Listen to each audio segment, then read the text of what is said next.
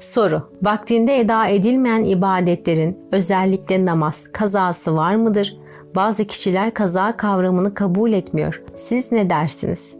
Cevap. Hadislerde açıkça unutulan veya uyunan vakitlerin namazının kefaretinin hatırlayınca, uyanınca veya bulunan ilk fırsatta kılınması olduğunu belirtilir. Bu açıdan kaza namazı vardır, delili çoktur ve sahihtir. Tartışma konusu olan bir insan senelerce hiç namaz kılmazsa bunun kazası olup olmadığıdır. Evvela belirtelim. Hayatında, çocukluğunda veya ergenliğinde namaza başlamış bir insan arada yıllarca kılmasa da eğer daha sonra intibaha gelir, namazlarını tekrar ciddiyetle kılmaya başlarsa aradaki namaz kılmadığı yıllarını kaza etmesi makul ve güzel olacaktır. Çünkü bir defa namazın farziyetini ve önemini öğrendikten sonra kişinin namazlarını bile bile kılmaması ancak o bilgilerini unutma veya bir cins uyku olan gaflet halinden ileri gelir. Bu yüzden kılınmayan namazların kaza edilmesi anlamlıdır. Diğer taraftan şuur kazandığı zaman aradaki tüm yılların kazası nefsine çok ağır ve yapılmaz geliyorsa hiç kendini zorlamasın. Normal namazına dikkat etsin ve namaza tekrar başladığı vakitten sonraki kaçırma, unutma, uyuyakalmaları kaza etsin sadece. O namaz borcunu gözünde büyütüp de normal vakit namazlarından da soğumasın. Zamanla namaz tabiatının bir parçası oldukça o kazalarda gözünde küçülür ve yapılabilir gelir gelir zaten. Çocukluğu, gençliği, yetişkinliği tamamen ehli dünya ortamlarda geçmiş. İmani değerleri o çağlarında benimsememiş insanlar da namaz borçlarının namazın anlam ve önemini öğrenip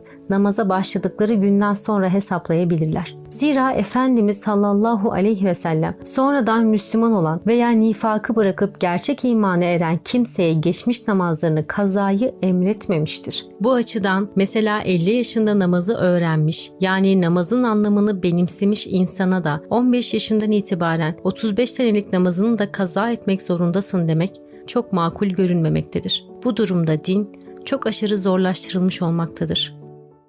thank you